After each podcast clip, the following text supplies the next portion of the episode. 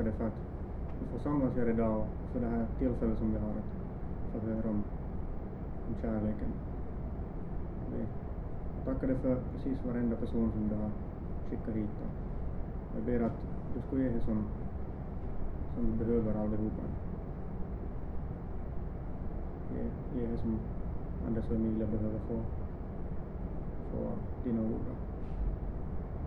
Låt det fasen i våra hjärtan och bära frukt. Det vi i Jesu namn. Amen. Varsågoda.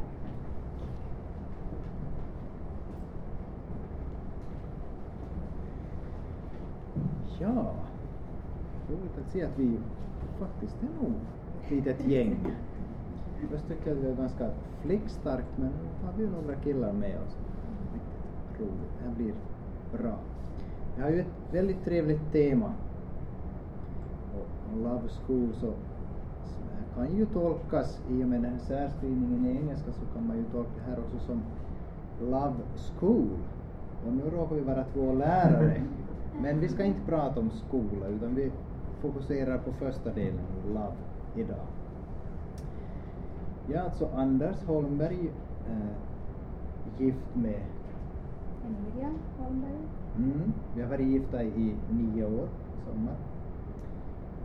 Och eh, vi är, jobbar som lärare annars. Nu har Emmy varit, Emmy kallar jag den oftast så. Emmy har varit hemma en del med barnen och jag har också varit hemma med barnen. Jag har tre barn. Agnes går på tvåan och Josef är i dagis och så har vi Lisa som är ett och ett halvt snart. Mm. Ehm, vi har varit med en del på olika förberedande kurser inför äktenskap, olika äktenskapskurser och så vidare. Mm. Ibland har vi pratat också till, till ungdomar och lite om sällskapstiden och sånt. Eh, Det är roligt. Vi, vi konstaterar själva att vi är båda då över 30. Anders börjar närma sig 40. Att, att det känns som, som en tid sen man var liksom inne i det här själv. Och nu ser jag att här finns några par som har hört till Larsmo och så här. Så det kan bli lite upprepningar här men att, men att vi, vi har lite längre, längre, längre pass idag och så här. Eh, Så att, att det här, vi funderar också, vem kommer att komma hit? Kommer det att komma människor som är ensamma, som, som vill hitta kärleken? Kommer det att komma par och vilka åldrar är paren? Så vi har försökt ta det lite som i, i beaktande att, att det är en blandad skara som är här i vårt upplägg på dagens Mm. pass. Vi kommer att ha en föreläsning kan man väl säga som vi sen varvar med, med två övningar däremellan. Eh, som blir i mindre grupper. Vi kommer att bland annat dela upp oss så att vi tar pojkarna skilt och så tar flickorna skilt och så diskuterar vi olika teman då som vi sen diskuterar mer i studion. Mm. Eh, kommer att varva lite med, med Bibelns syn på, på olika saker inom begreppet kärlek och också hur samhället, det som vi lever idag, ser på de här sakerna. Mm. Kärlek är ju, som jag sa redan, ett, ett roligt tema förstås och samtidigt så kan det ju vara ett ganska svårt tema också och en svår sak som man har många frågor kring och som inte alltid är helt lätt. Ni är fria att fråga, att vi ska vara mer tydliga eller så här när som helst under, under passet idag. Ehm, vi svarar eller så svarar vi inte.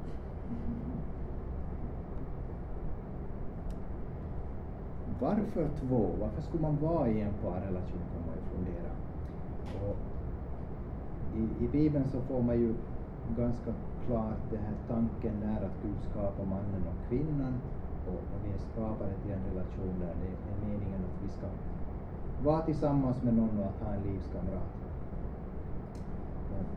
Jag vet inte om ni ser dit längst bak men här är från, från första Moseboken när Gud konstaterar i, skapelsen att det inte är bra för mannen att vara ensam. Jag ska göra en medhjälpare åt honom, en som är hans like. Och vidare längre fram i, i blocket ur Bibeln så står det därför ska en man lämna sin far och sin mor och hålla sig till sin hustru och de ska bli ett kött. Så vi ser att det här var grundtanken från början i skapelsen.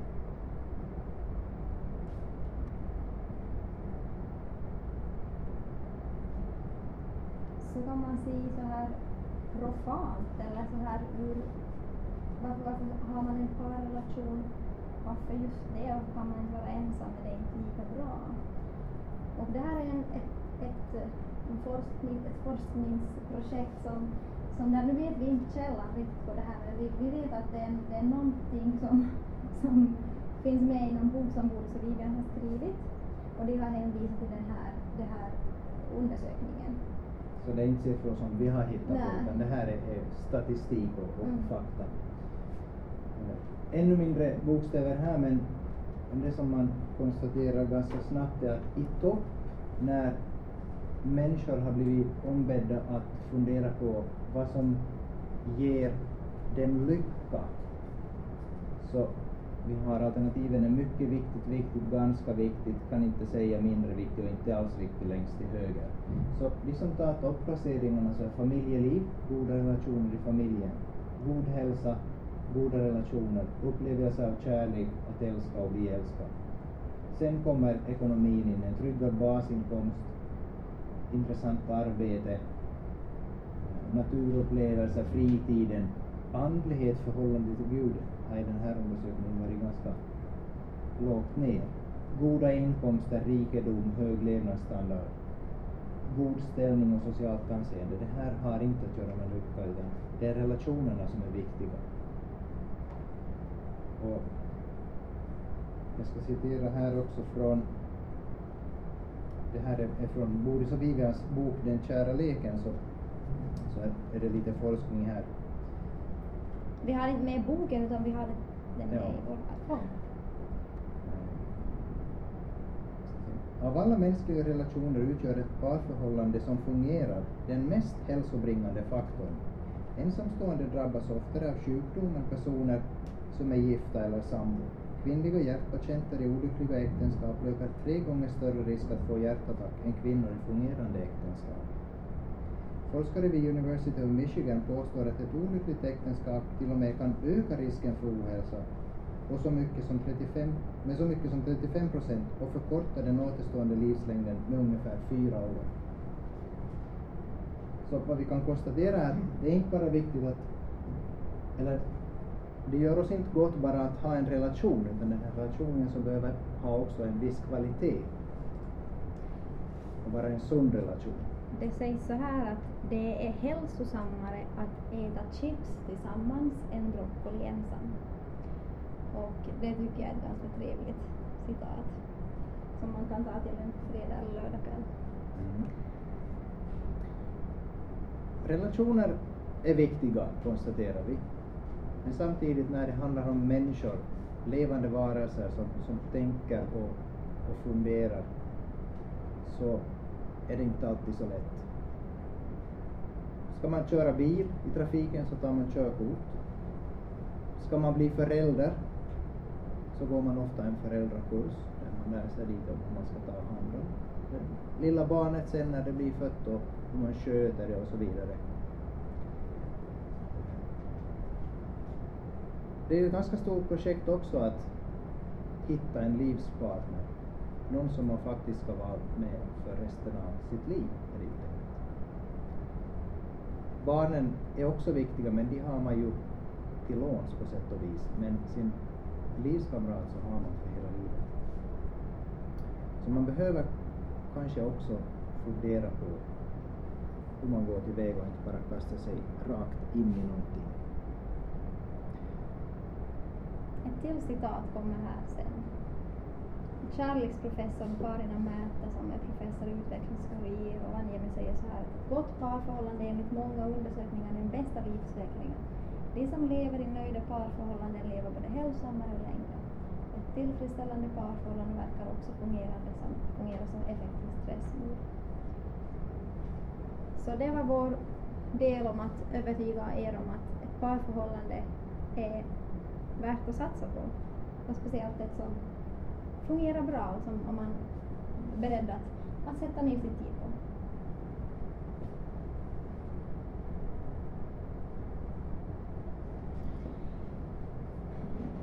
Mm. Förälskelse och kärlek. Det här kan ju vara i dagens samhälle väldigt, väldigt konfunderat. konfunderat det här med vad är, vad är man då, vad är då kärlek och vad är bara förälskelse? Um, mm. Förälskelse är en gåva som vi har fått. Vi kan inte välja vem vi blir förälskade i, men vi kan välja vad vi gör med den förälskelsen. När man är ung och, och singel så kan man ju bli lite förälskad hit och dit för det, det, som, det påverkar ju ingen annan. Men det passar ju inte sig att jag blir förälskad här nu, som någon annan än Anders förstås. Då, måste, då har jag makt över den här förälskelsen att välja att inte gå in i den. Och det kan jag ju också göra när jag är ung, om jag märker att nu förälskar jag mig i fel person. Att man kan ta kontroll över den där förälskelsen och tänka att ja men det här går ändå inte för att vi är för olika på de här och de här områdena och det kommer inte att hålla. Förälskelsen är också över en viss tid. Det är inget som, som man har varje dag för resten av sitt liv i den parrelation man lever. Utan man talar om att det kan vara kanske från några veckor, en sån här väldigt stark förälskelse när man är som på moln. Den som har varit förälskad så kanske känner igen att det, det kanske inte heller är hälsosamt att vara förälskad hela sitt liv. Man skulle kanske få, man skulle inte få saker och ting gjorda riktigt så som, så som de borde. Det kan vara längre också och, och det kan komma på nytt i en relation. Så det kan komma nya vågor av förälskelse när man blir förälskad i sin partner som man gifte sig med för 20, 30 eller 40 år sedan. Eller det kommer ju på nytt. Vårdar man sin relation så kommer förälskelsen upp nu som då igen. Eh, förälskelsen kan också liknas vid en drog. Jag har hört någon gång den här jämförelsen, nu har jag aldrig provat på amfetamin men att, att många säger att, att det, det är lite som när du har tagit amfetamin, då behöver du inte äta någonting, Eh, du är bara som i ett rus på något sätt ständigt och du behöver inte sova heller, utan man bara kör på. Och jag minns när jag blev förälskad i Anders, så behövde jag inte äta någonting. Jag kände mig aldrig hungrig och jag var nästan aldrig trött Att det var liksom bara att köra på. Eh, den här, den här riktigt drogliknande effekten som förälskelsen hade gjort mig, den var nog inte jättelång, att, att nu börjar jag ju äta småningom igen. Men, men att det här att, att jag vet att det är många, många damer som delar den här upplevelsen med mig. Eh, förälskelsen är ju också en sak som vi kan se eh, i filmer idag. Jag brukar tänka så här att när det blir riktigt intressant i en film, då slutar den. Då de lyckliga tu får varandra, då det blir intressant, då vill jag se mera, mera av filmen hur går det? Hur vad, vad, händer när de får sitt första barn? Hur klarar de de här sakerna? Men då har filmen redan slutat för då var det det happy end när de fick varandra. Och jag tycker inte att det är det happy end, jag tycker att det är som början på allting. Att, att hur, hur möter de vardagen? Hur får de det att fungera? Och får, hur får de kärleken att blomstra den relationen? Men att, så det är ju den här bilden vi har av kärlek kanske då. Och så, och så går det som på sådär resten av livet. Jag brukar också tänka att, att, att om man tänker sådana här kändistidningar och sånt, att det är en ständig jakt på den här förälskelsen. Det är en period som ni är med en och sen känns det inte rätt och så hittar du en annan och det känns så superrätt. Och så är det igen slut och så börjar du med en tredje och en fjärde. Att det blir, det blir den här jakten på förälskelsen istället för den här strävan att få en kärlek som djupnar och som håller för evigt. Man talar ganska ofta om den här glöden också som inte längre fanns då är det kanske just den här förälskelsen som man är ute efter, de här fantastiska, övernaturliga känslorna nästan. Och sen när det faller så, så är man inte beredd att jobba vidare med, med sin relation utan man går vidare och söker de här starka känslorna på annat håll.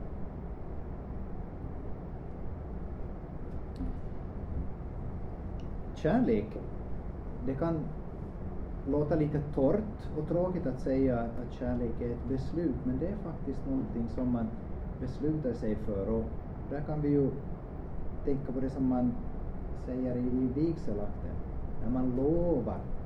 Man bestämmer där och då, kanske man har gjort det tidigare tidigare, men där blir det åtminstone offentligt. Jag lovar att jag ska älska dig. Vad som än händer så ska jag älska dig. Jag tar det beslutet.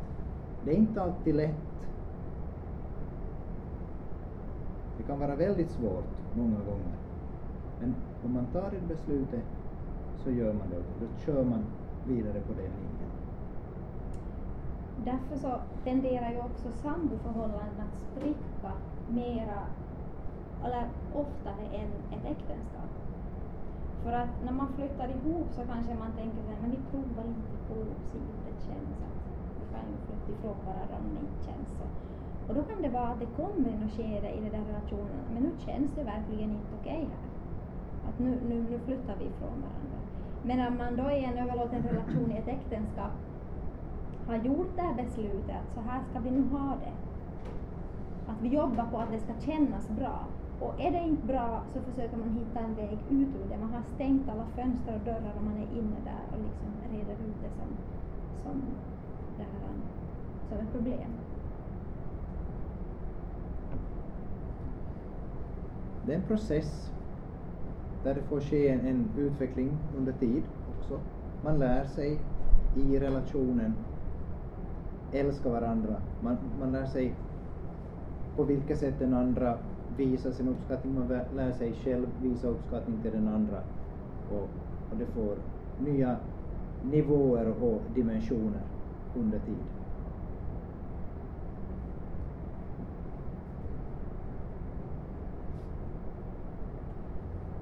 Det där vid rörde du en med frukt av Ja. relation, att man jobbar på, på sin relation.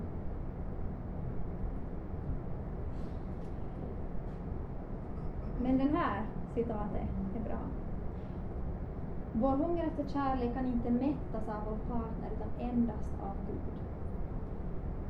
Den här ständiga jakten som finns hos dagens oroliga människor på något sätt. Det finns ingen människa som kommer att kunna fylla den. Det finns ingen perfekt människa som kommer att kunna fylla alla dina behov. Att den hittar man endast hos Gud. Jag kommer att tänka på en, en väldigt känd kärlekssång som ni säkert alla känner till, Love Me Tender. Och den är ju fin kan man tycka sådär, men, och det är den ju. Men om man riktigt analyserar den så säger, sjunger man på ett ställe Love me tender, love me through, all my dreams fulfilled. For my darling I love you. Alltså när jag hittar dig så då blir alla mina drömmar uppfyllda. Och det tror jag ingen har lyckats med än. Hitta en person som uppfyller allt. Utan där är det endast Gud som kan fylla alla våra behov. Men det är ju så, om en kärlek som säger så, så är det ju rätt alltså. Så då är det det vi ska sträva till. Och, då gör det, och det är ju det som då gör en orolig, den relationen som man är, är det tillräckligt eller liksom, har den här som har författat den här sången, har han känt det där, ja men då är den personen som sitter bredvid mig inte rätt för mig. För han uppfyller inte alla mina drömmar. Så jag måste lite vandra vidare. Och det blir, det blir oroligt. Jag har en, en kompis som eh, hade väldigt stormande, passionerande förälskelse. När de sällskapade så var det, det, det sprack omkring dem och det var glödhett och det var verkligen som, som passionernas passioner har hon beskrivit det som. Och eh, när jag blev förälskad i Anders, om jag inte åt den här förstiden, men sen så, så var det inte så stormigt. Det var ganska lugnt. Um, och jag minns att jag funderade ganska ofta på det här att räcker det här? Att, att liksom, hur ska det riktigt kännas? Hur, stor, hur, hur, hur stor ska den här förälskelsen vara? Och hon hade den här erfarenheten och hur vi båda gifta med respektive män och, och hon har tänkt så här att det var inte så viktigt det så slutligen. Att man kommer långt med vänskap. Man tycker om den här andra och det finns en spänning där. Det behöver inte vara som det beskrivs i alla de här kärlekssångerna. Det är inte någon förutsättning för att det sen ska bli ett lyckat äktenskap.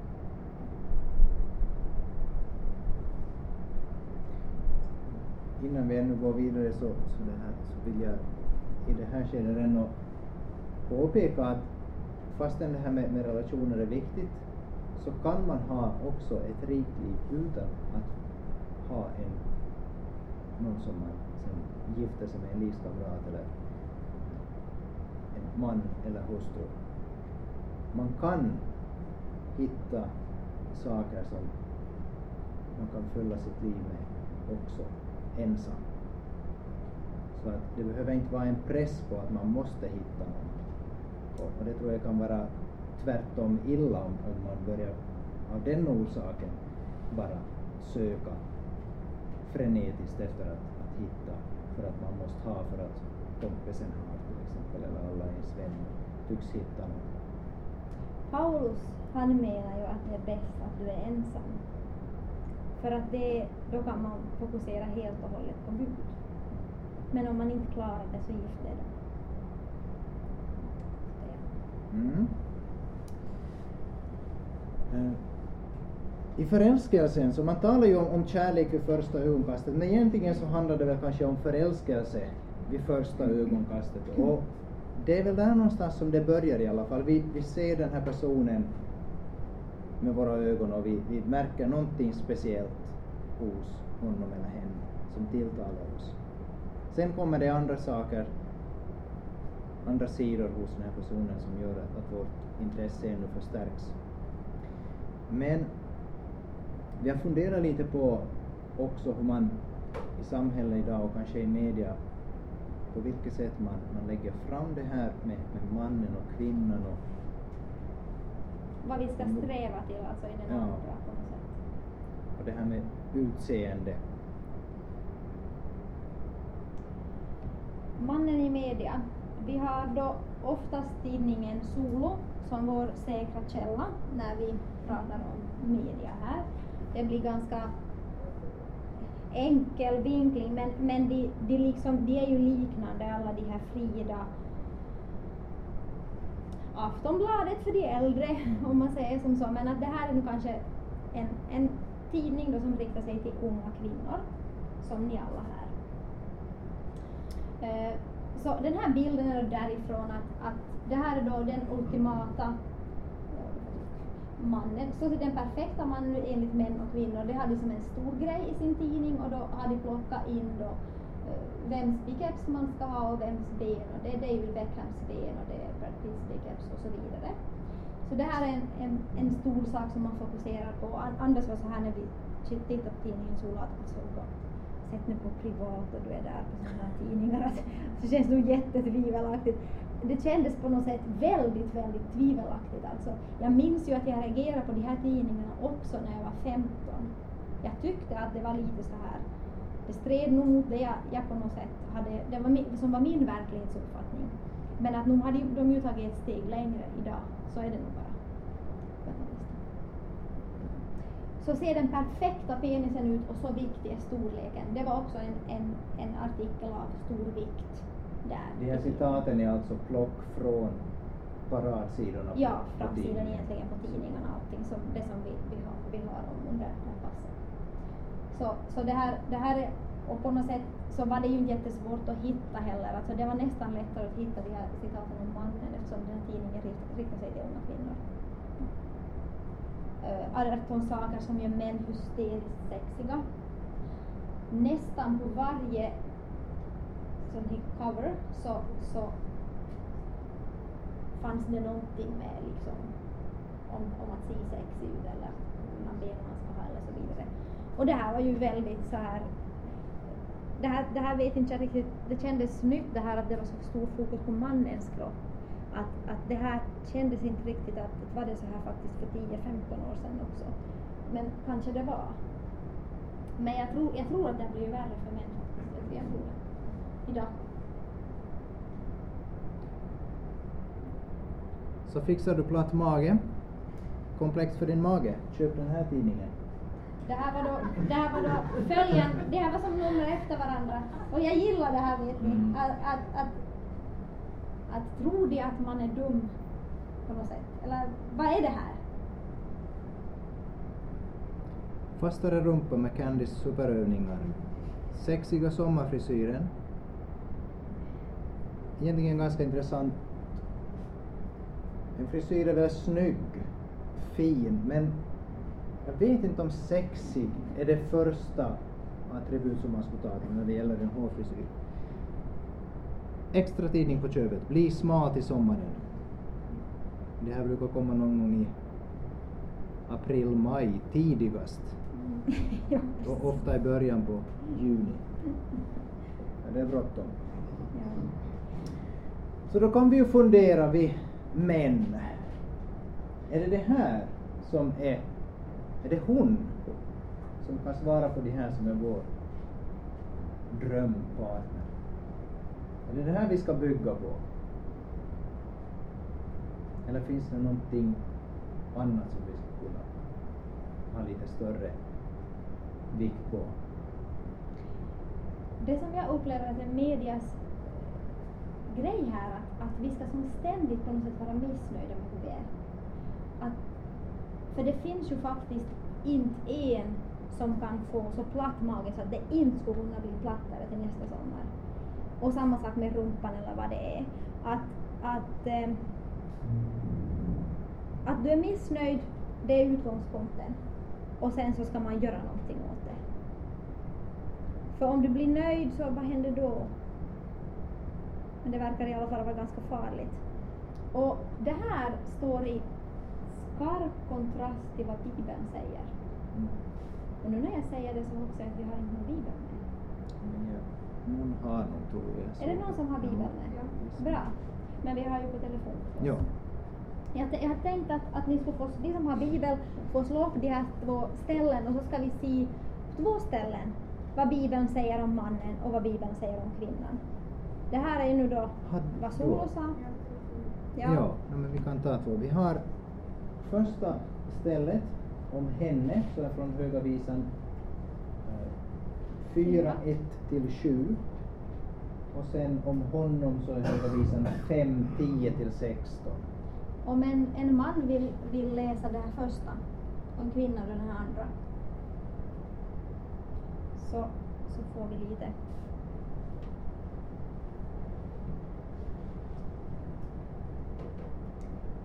Vem läser om henne? Vem känner sig manad att läsa om, om henne här? Höga visan 4, 1 till 7.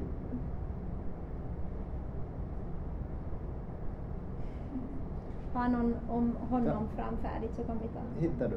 Ja. Kan du ta? Ja, från 1 till 20. Från 1 Mm. 7. ganska långt men vi, vi har lite tid. Ja. Vad du är skön, min älskade, vad du är skön. Dina ögon är som gruvor, där det skymtar i någonting smörj. Klara likt en jord av jätter som strömmar ner på kvällsberg. Med tänder liknar en jord av nyskickta tackor, nyss utkomna ur magen. Allesammans med tvillingar. Ofruktsamt är ingen utan er. Dina läppar är som ett rosenrött band, och skön är din rygg. Ligger bröstet granatälter är din kind, där den skjuter genom din slöjd. Din hals är lik navelstol, där vapen förvaras, där tusen sköldar hänger. Hjältarnas alla sköldar. Dina bröst liknar ett killingpar, tvillingar av en gasell, som går i väg bland liljor. När dagen blir sval och skuggorna flyr, vill jag gå bort till Myroberget, Myroberget till den rökelsedoften, rökelsedoftande höjd. För alltid någon skön minne, och det finns ingen fläck. Tack.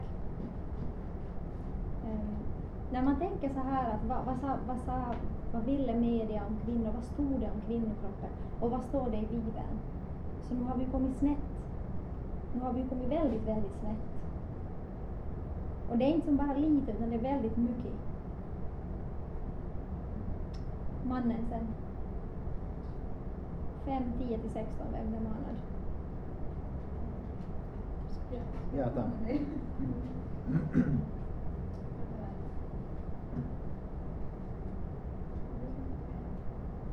Tio till sexton.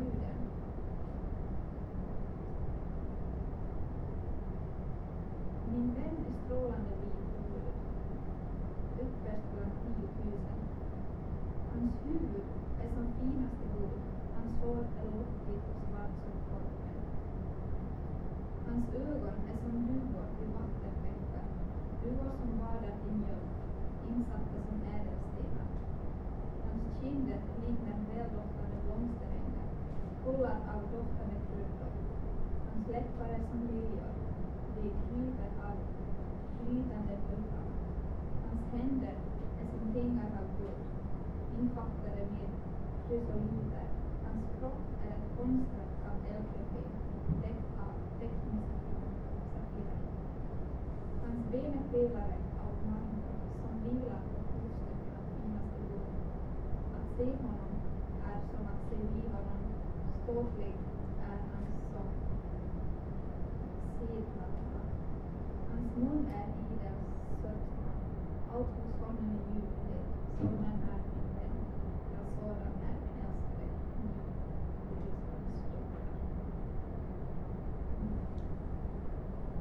Här handlar det ju förstås om att fylla också skönheten hos den andra, men ändå på ett helt annat sätt än vad vi såg på de här tidigare rubrikerna.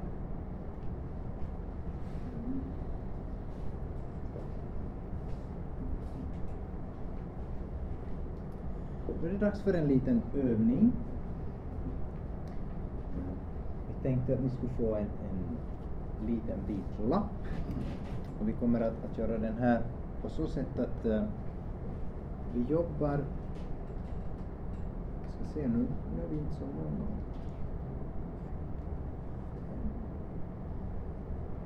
Kanske vi försöker få till två grupper i alla fall från pojkarna och, och två flickgrupper. Alla börjar med att ta en vit lapp och skriva fem viktigaste egenskaperna hos den perfekta pojkvännen eller flickvännen. Det är så svåra... ehm, det är så svåra ord så jag, jag, man skulle nog se, se de märkena när folk börjar säga så tror man svårt, vad var det ni sa? Ja. Så- Vi, vi hade lite svårt i, i den här karagruppen att få, få ihop det till fem. De har så otroligt bra förslag. Ja. Mycket förslag så här. Jag ska se om jag får, får ihop det här men kanske vi tar det muntligt i alla fall. Vi, vi kanske från tjejernas sida, vi var ganska, eller vi var ganska ense. De, många hade liknande Mm. saker. Eh, jag hörde att ni diskuterade lite med det här troende och kristen och vi tog inte för givet så vi hade Precis. som en grej. Och det hade faktiskt alla i alla små tre grupper till först. Så troende var, var det som var starkast på något sätt. Mm. Och att han är pålitlig och ärlig. Sen att han är omtänksam och kärleksfull. Det, det, det tänkte vi som var som samma. Att han visar respekt. Och eh, positiv och humoristisk och snäll. Det var som ett sånt här, en sån här sista grej där. Mm. Eh, ja, vi diskuterade lite det här med, med kristen just och, och det här. Ena gruppen så, så tog det kanske för givet och den andra gruppen så har med det på listan.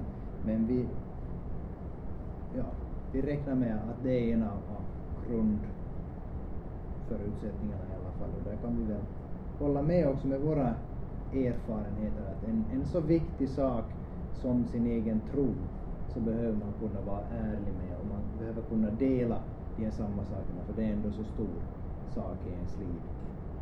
Så att om vi, jag känner ju människor som, som är gifta och har varit gifta länge och de, de ser ut att ha ett helt okej äktenskap trots att de inte delar den där tron. Men jag tror nog att de saknar en viktig del i sitt gemensamma liv. Kunna prata. God lyssnare var, var ett annat, vi slog ihop den lite där.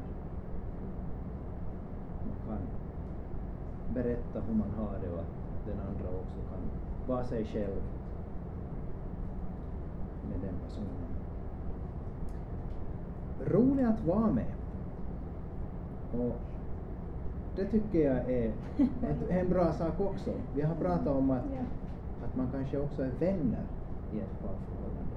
Man, man behöver kanske ha lite gemensamma intressen och kunna också tycka att det är kul bara att vara tillsammans.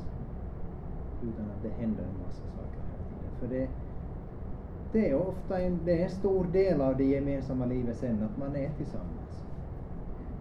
Och det kommer in massor med, med vardagsbestyr och, och vardagliga saker som, som också ska delas.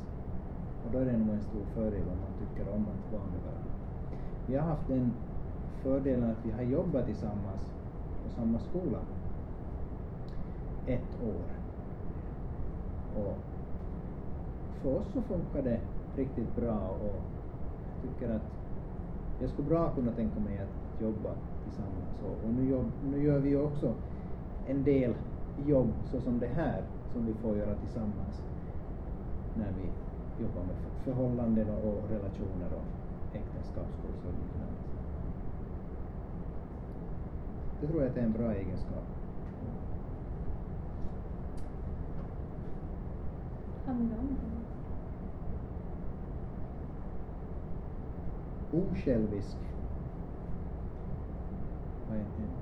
en vinkling som inte jag har ännu tycker jag berört. Och eh, så sa du ödmjukhet som en viktig sak. Så det är ju lite, lite samma sak.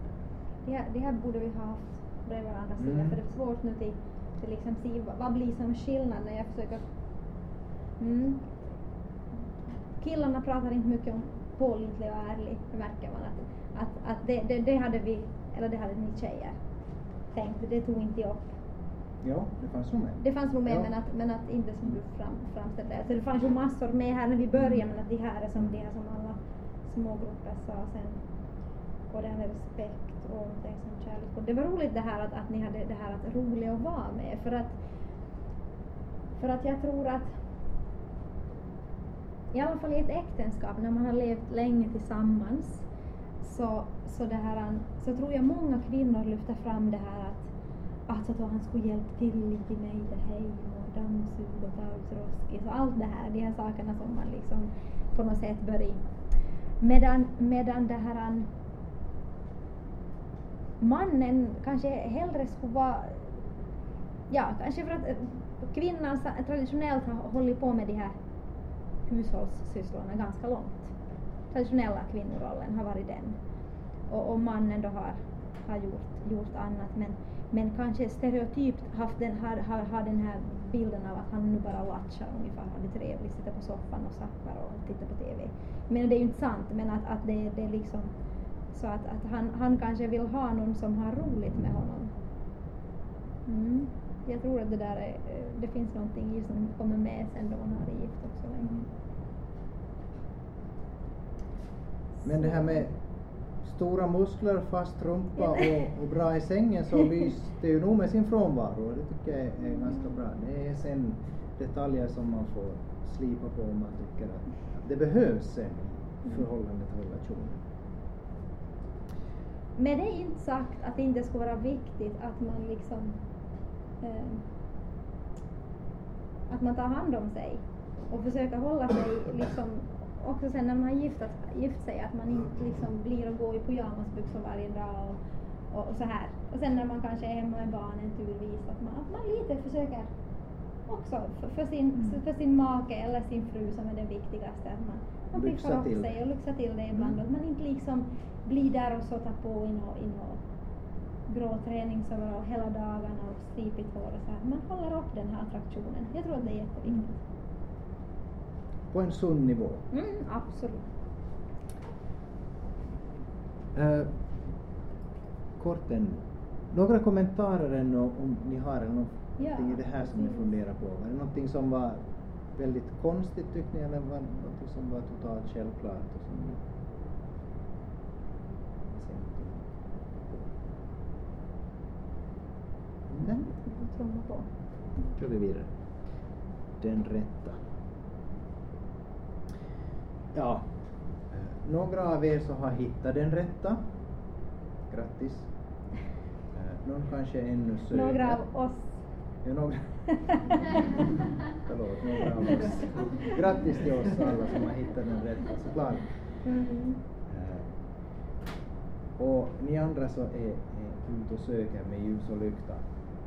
Och vi ska fundera lite på vad, som, vad man kanske kan tänka på när man är, är ute efter den rätta. Anders och jag bör, blev tillsammans då jag var 20 år och han var 25. Då hade vi båda två varsitt förhållande bakom oss. Och eh, jag visste ganska bra var jag stod i livet och vad jag ville och vad jag behövde. Och jag minns att jag var och hälsade på min kompis till Åbo en gång då hon hade flyttat dit och jag bodde i Vasa och studerade där. Och så hade jag träffat Anders en gång efter att vi hade varit tillsammans. Vi träffades på bönhuset i Vasa, Fiskaregatan. Och eh, då sa jag till henne så här att nu har jag träffat en kille som jag borde vara tillsammans med, eller en sådan som jag borde vara tillsammans med. Jag visste på något sätt då att han hade de kvaliteter som jag behövde. Och jag var inte alls förälskad i Anders då. Men jag visste på något sätt, och hon, hon, hon sa det på vårt bröllop, att det var så roligt att jag, kom, jag visste att han, han, han skulle vara bra, bra för mig. Han var trygg och väldigt jordnära. Och sen blev jag ju förälskad i honom ungefär ett år efter det.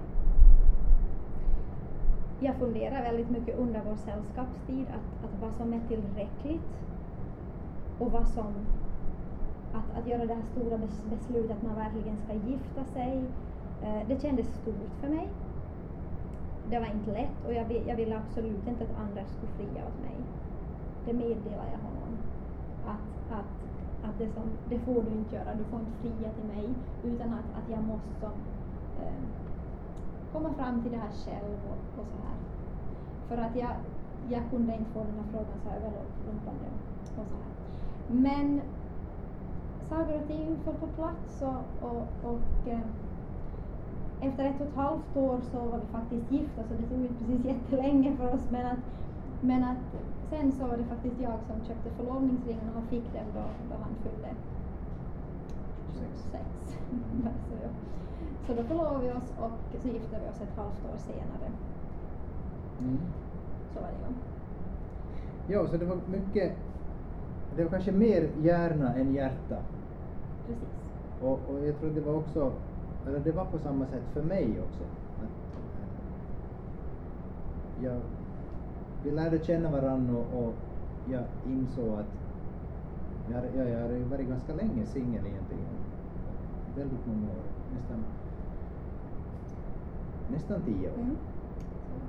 Så det var en ganska lång tid som jag hade varit ensam. Men jag visste att, att hon var en som, som jag kan dela resten av livet med.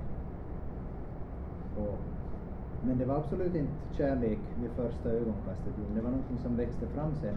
Sen blev ju förstås förälskelsen, men de här starka känslorna kom ju sen när vi kom så långt att, att vi tog kontakt och skickade jag första smsen och, och hälsade på någon kompis i Vasa och, och så vidare. Och sen var, sen var allting i rullning och det var ju fantastiska känslor. Men före det så var det mer hjärna än hjärta faktiskt. Mm.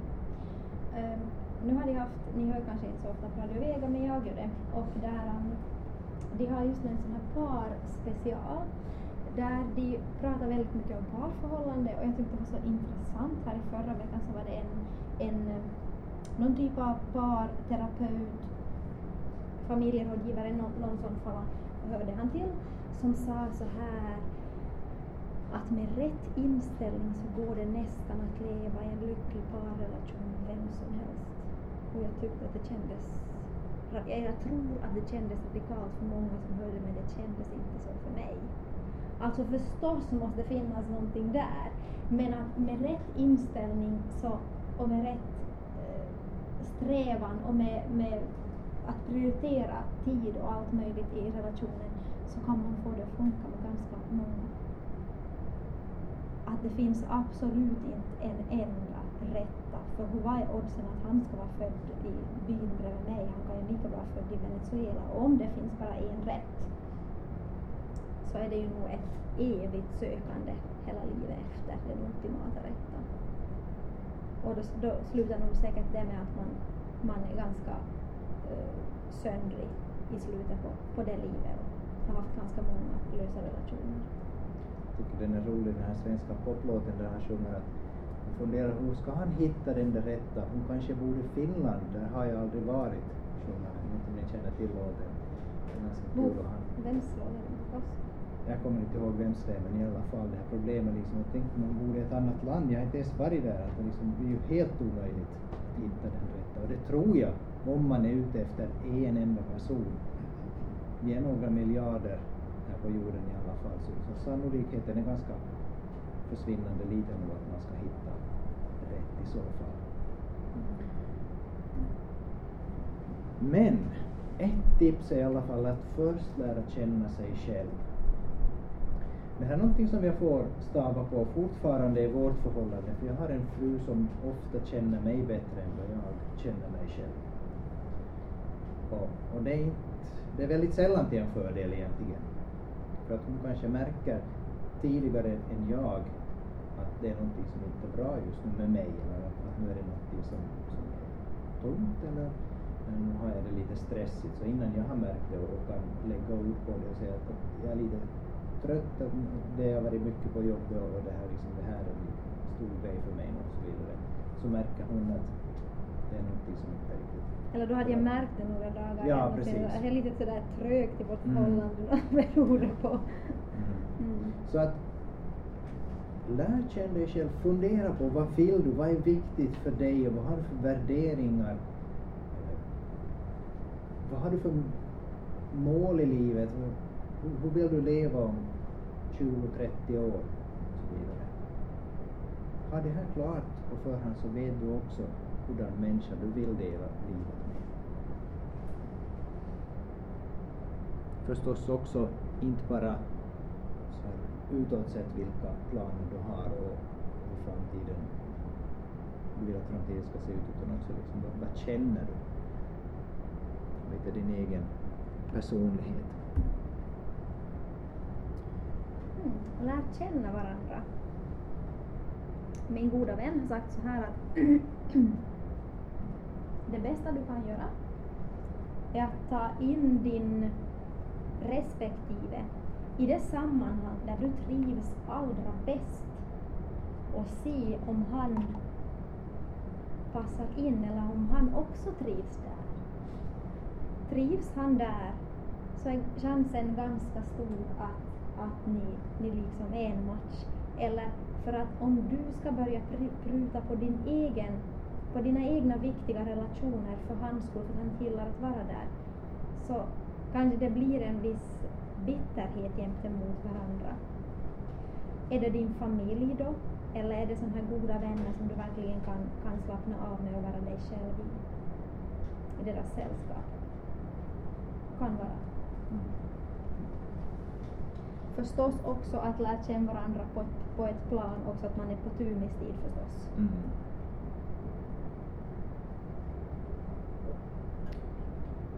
Det här minns jag i alla fall att jag upplevde så väldigt starkt tillsammans med Anders när vi hade blivit tillsammans. Att det var så lätt att vara med honom på alla möjliga ställen. Jag var så stolt över honom. Han, han var så fantastisk och glad och tog för sig och, och liksom pratade med folk och kom överens med olika människor. Och jag upplevde att, att, att det var så fantastiskt att få vara med just honom. För den erfarenheten hade jag inte haft från tidigare. Jag kände att jag blev lite mindre och lite, lite osäker och lite grå i det förhållande jag fanns i tidigare. Att, att jag lite fick prata för honom kanske eller så här. Att, att, att med Anders så var det så att jag verkligen kunde känna att jag slappnade av.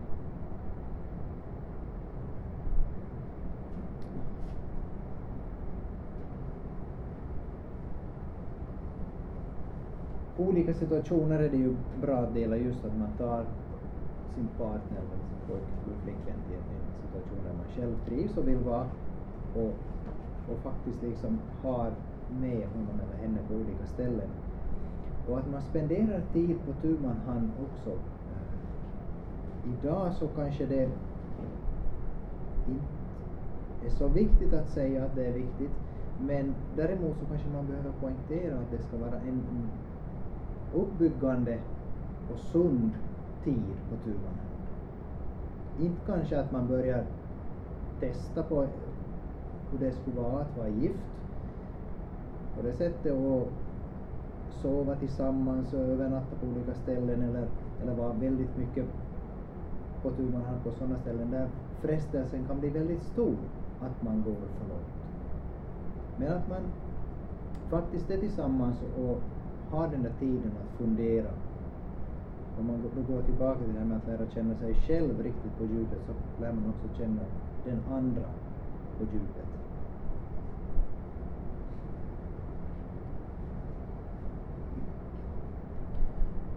Det finns faktiskt äh, test för förhållande och den här har vi, så vi använder på, på äktenskapskurs Mm. eller preppkurs för äktenskap. Mm. Ja. Och det som var Lars som sett de här frågorna Ja. tidigare också. Sju testfrågor som, men jag tror att det här är ganska bra också att ha med sig fast man ännu inte har en pojke eller flickvän Ja, jag eller fästmö eller fästman. Så att man ändå har hört dem och så kan man ha den med sig. Vill jag dela resten av livet med min fästmö fästman? Känner jag en stor förväntan eller en manande osäkerhet? Ger vår kärlek mig kraft och energi eller suger den kraft ur mig? Kärlek befriar, växer jag till eller förminskas jag i vår gemenskap? Det här var kanske det som, Ja. som du berättade just om. Jag kände så starkt att jag, att jag, jag fick så mycket kraft och energi att få vara med Anders. Respekterar jag honom eller henne? Jag skulle vara stolt över att höra ihop med honom eller henne. Jag vill att hon är far eller mor till mitt eventuella barn. Och barn kommer ju kanske in i bilden. Det är någonting som de flesta önskar i alla fall. Och för många så blir det också verklighet. Och det livet så kan säkert te sig många gånger väldigt annorlunda än den där första förälskelsetiden när man är ung och, och fri och utan band och nästan utan ansvar. Man bara har tid för varandra. Accepterar jag min tilltänkta som han relation är? Att gifta sig med en person som vi, som vi, som vill ska vara annorlunda än han eller slutar i, kan sluta i besvikelse. Ja, så det, det är nog inte ett bra tips att, att tänka att man sen ska skola upp honom eller henne. Att ja, men nu ska jag lära upp henne sen hur hon ska bete sig. på.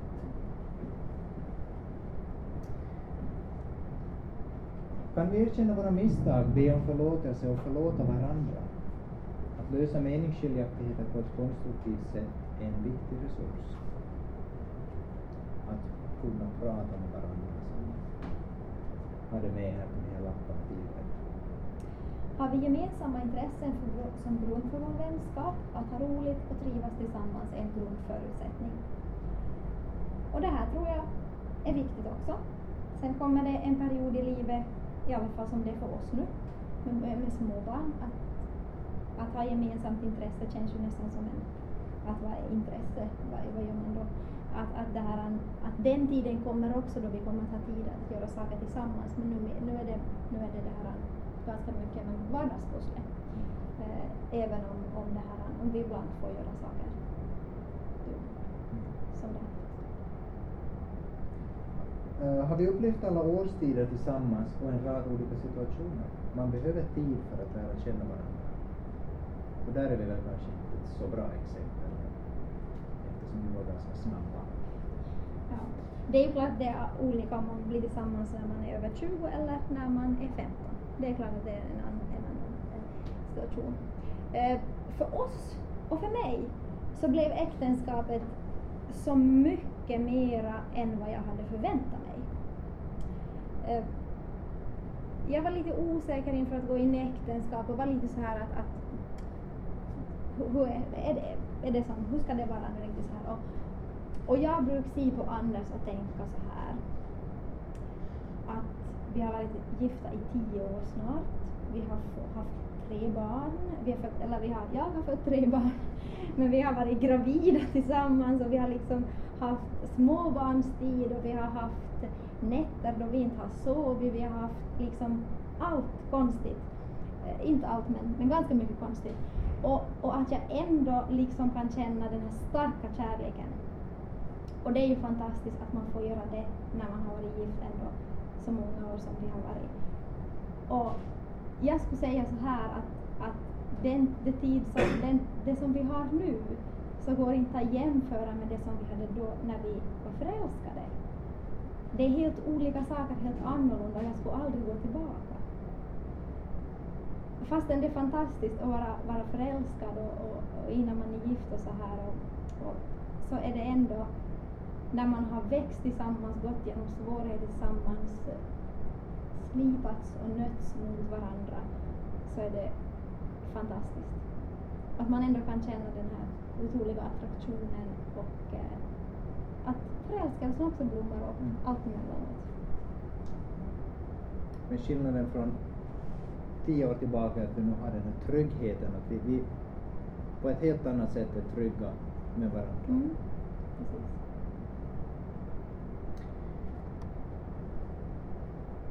Ja, samhällets syn så är ju ofta lite annorlunda på det här när man ska hitta den rätta. Det är ju mera med att, att man kanske först hoppar i säng och sen börjar man fundera att jaha, är det här någonting kanske som vi kan bygga vidare på? Vi kommer nu att ha lite klipp från tidningen Solo igen. Säkra källan här. Och eh, hur de tänker kring det här att, att kanske inleda en relation och befinna sig i en relation och så vidare. Det här skulle ju också kunna vara nästan vilken film som helst. Eh, vilken eh, Kärlekssång. roman, kärlekssång eller vilken annan populär populärkulturtidning egentligen. Så att det råkar nu vara bara plock härifrån den här gången. Ja, här ser Ja. vi. Kanske jag kan ta fram, för putrumpan, jag måste bara visa. Det, Ja. är, det är liksom så roligt. Det, jag tar fram de här nu alla egentligen. Mm. Det är ju, lite texten hoppa men egentligen är det ju väldigt skrämmande att, att sån här faktiskt, att det ser ut så här idag. Ljusen som ger dig bättre sex och sömn. 18 sextips som förändrar ditt liv. Det finns vodkan som ska öka din sexlust. Här är datingappen för dig som vill ha trekant. Ligga med en tjejkompis. Allt om nya sextrender. 12 säkra tecken på att din sexpartner är din själsfrände. Det här är, ju då alltså klipp, eller citat från, från tidningen. Att den här är inte någon tidning som riktar sig nu till vuxna utan det här är till, till, till tonårstjejer som, som läser den här solotidningen. Och den här sista tänkte jag fokusera på att 12 säkra tecken på att din sexpartner är din själsfrände. Att det är liksom den vägen man går. Att, att man är först sex sexkompisar och sen så, så blir man kanske då själsfrände. Och, och så var det inte tänkt från början. Um. Orsaken att, till att vi tar upp det här som en grej så är ju att det finns i oss som mänskliga varelser så finns den här attraktionen, det finns den här eh, sexuella attraktionen in i oss. Som man och kvinna, pojke, flicka så finns den dragningen där och det ska finnas. Det, det behöver finnas och- det, det gör gott åt förhållandet också. Men inte när det blir fel. idag är det ju som så jättestarkt det här. Och det är ju, jag tänker att, att när, det här, när det är de här sakerna som man lever kring så påverkas man. Alla påverkas. Jag påverkas, andras påverkas, ni påverkas. Um, för vår del så han, för, för oss så handlar det kanske mer om det här med med, med liksom otrohet och alla sådana otrohetssajter och sånt som vi ofta tar upp på äktenskapsskor, att det finns ju som, sånt också. För att när det blir fel så blir det ofta mycket fel. Och när det börjar fara fel så går det käpprätt åt skogen. Att det, det blir som bara extremare och extremare vad som är okej okay och vad som är tillåtet och hur man ska leva. Eh, medan, medan Bibeln har en helt annan syn på hur det här är. Att man börjar med att välja vem man ska vara med och sen så upptäcker man sexualiteten. Um, du bär alltid med dig det de, sexuella, de sexuella erfarenheter som du, som du har in i en ny relation. Oavsett när det var så finns de med för att huden är den största, vårt största organ och kroppen kommer alltid att minnas. Hur det än är så, så har vi alla misslyckats på den här punkten. Man har gjort fel och, och det, är, det har uppstått sår. Så är det för alla. Ingen kan slå sig för bröstet och säga att, att, att här så, så har vi bara gjort rätt och lyckats hela tiden. Det här sexuell trasighet finns och, och de, här, de här såren har man mera eller mindre. Um, så vi har ett ansvar inför det här när vi sällskapar, när vi är tillsammans. Jag minns att, att när, när jag började vara tillsammans med Anders så tänkte jag på det på ett annorlunda sätt. Jag tänkte så här att att han respekterar mig jättemycket. Um, för att jag upplevde att det var det han gjorde när han, när han, när han, han med sitt sätt att vara tog ansvar för att vår relation hölls på den nivå som vi ville tills vi gifte oss. Och jag tror att han tog bättre ansvar än vad jag gjorde på det. För en kvinna så kan det vara så att man kanske både vill ha kakan och sen vill man också äta den. För mig så, så fick jag alltid tänka på det här att hur jag klädde mig. För att det var ju, re, det var ju roligt att se en re, reaktion på att, att ens pojkvän åtrådde en eller åtrår en. Och man må nu vara medveten om vilka hot man spelar med på något sätt där. För det är inte så, stor, det är inte så stort problem att, att, eller inte så speciellt svårt att få någon att åtrå din kropp. Men att få någon att åtrå din själ är sen svårare. Det, det går som djupare och vägen dit är på något sätt längre. Samtidigt har mannen också sitt, sitt, sitt område, sitt, ansvar, sitt ansvarsområde. Det här var nog bara det som jag mindes från vår sällskapstid. Att, att, eh, ja, det som ju förstås hör till båda parterna men, men kanske mera, skulle kunna säga att det hör till mannen också, det är att vad man, vad man matar sig med och, och vad, vilka bilder väljer man att se? Vilka tidningar läser man? Eh, vilka filmer ser man på? Vad, vad, är det liksom vad är det man vill se och vad, vad vill man själv väcka eller vad vill man kanske, vad väljer man att dämpa? Och det som kan vara, eller som är en bra sak, så är om man kan prata om det faktiskt, vilket det kan vara ganska känsligt och svårt i en situation, för det är det är en stor sak som berör med starka känslor. Samtidigt är det väldigt svårt att prata om det och, och det är på ett sätt lite tabubelagt. Man, man kan inte riktigt prata öppet om det som om man pratar om sina intressen eller väder och vind, utan det, det är en helt annan nivå. Men man pratar om det och kommer överens om att, att det, här, det här är okej, okay, det här kan vi göra, men här går min gräns. längre än så här så, så funkar det inte. Så kommer man överens på det sättet. Det här är våra spelregler i vårt förhållande. Och det är ju förstås, då kanske man inte bara heller kan gå till sig själv, vad är okej för mig, utan man behöver förstås fundera att vad är, vad säger Bibeln om, om samlivet och vad, vad hör till äktenskapet och så vidare. Mm. Ehm, Vi kan kanske hålla det här fram när vi läser om eh, några bibelställen. Ja, Så kan man kanske se där bibelställena Eh, bara. Det var, kanske, ni, kanske du kan ta första Thessaloniker 4, 3-8 och läsa det. Och eh, första Korintierbrevet 6, 9 till 20. Vad som andra. Så, så kan vi ha fram de här, de här citaten från Solo när vi läser det här Bibelns och Bibeln skriver. Eller vad som står i Bibeln.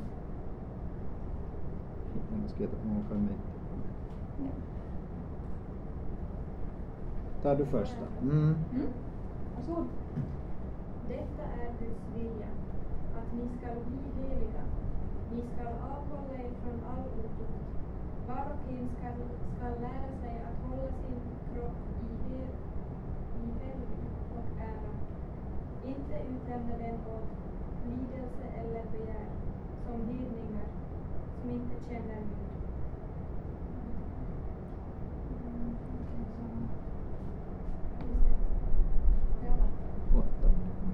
Ingen får kränka och utnyttja sin broder i det som det här gäller.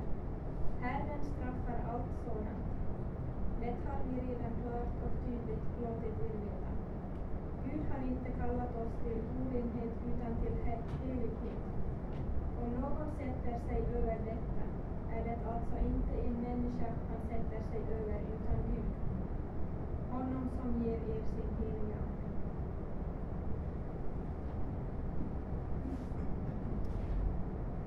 nästa? Bakre raden, vem, vem av er som känner sig personer? 9 till 20. Vet ni inte att inga orättfärdiga ska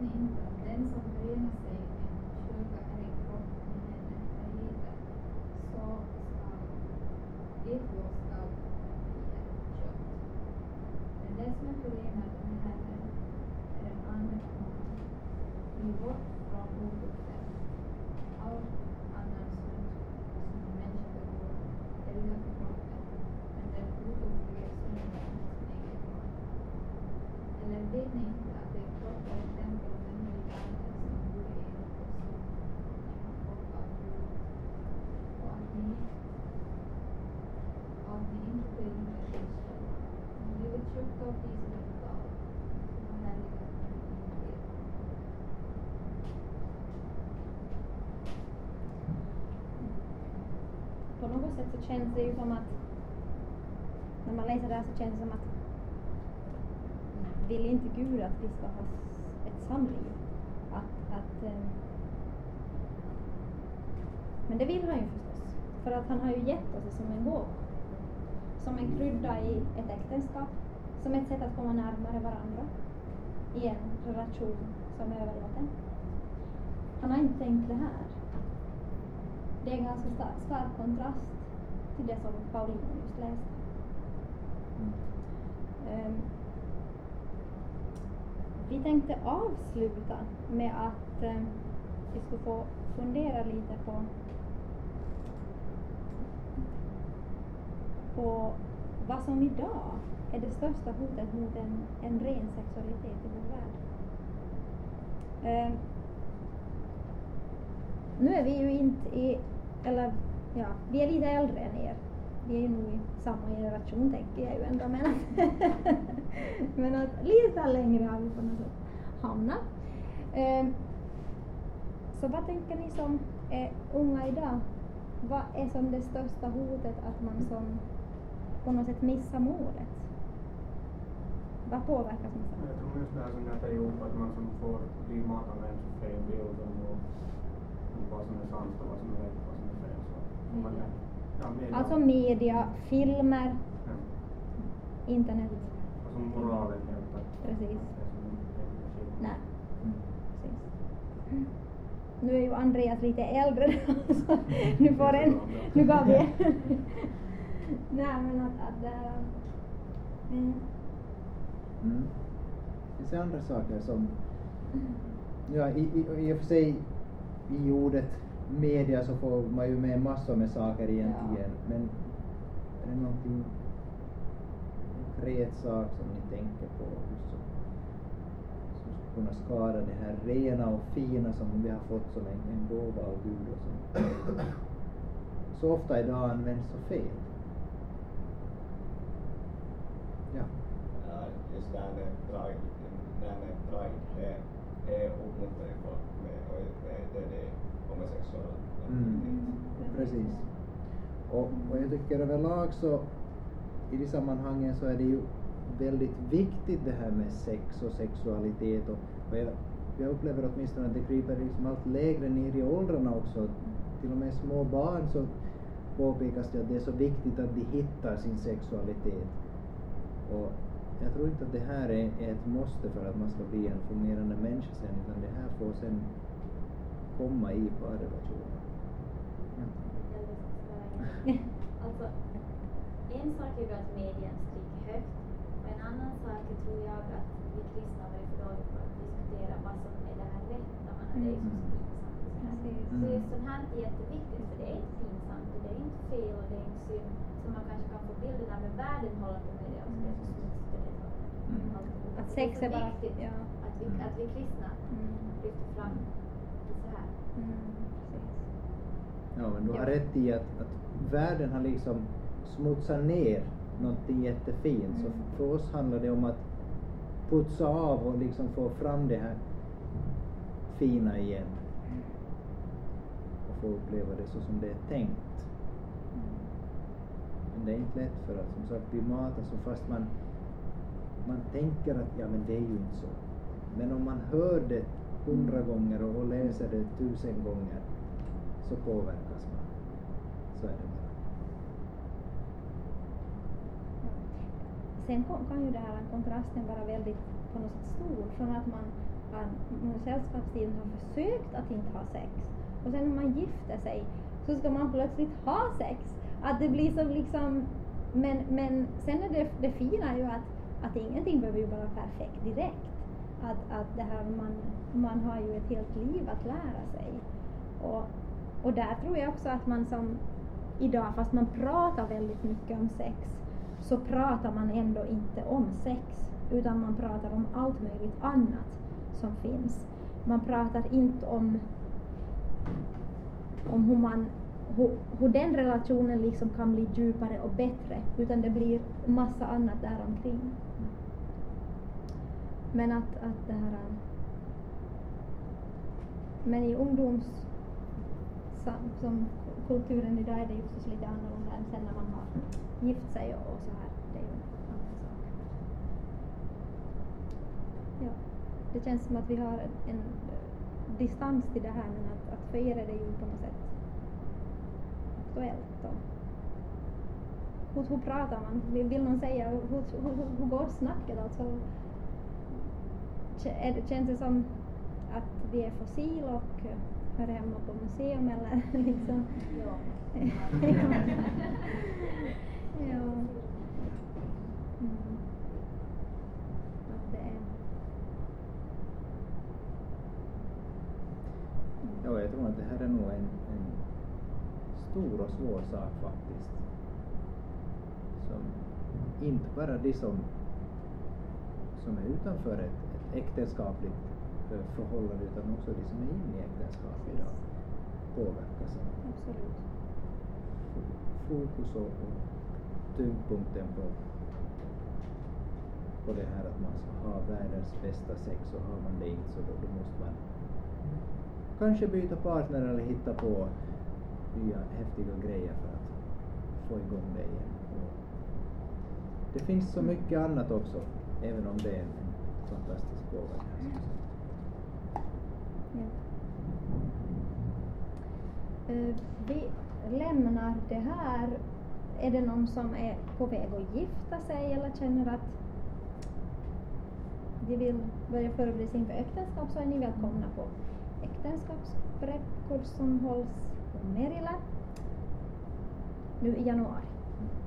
Det finns uppgifter på nätet över det och det brukar vara en, en trevlig händelse. Nu tror jag att jag hör att vår yngsta kommer här och gör entré. Tack ska ni ha. Det var ska ni ha. intressant och vi har har mycket att bita i nu, fundera på. Ehm, vad som händer till näst? Nu blir det mat. Klockan sju är det festmässa och klockan tio så är det ungdomssamling. Så Välkomna med, nu ska vi få ett käk och sen får vi på mässa. Tack!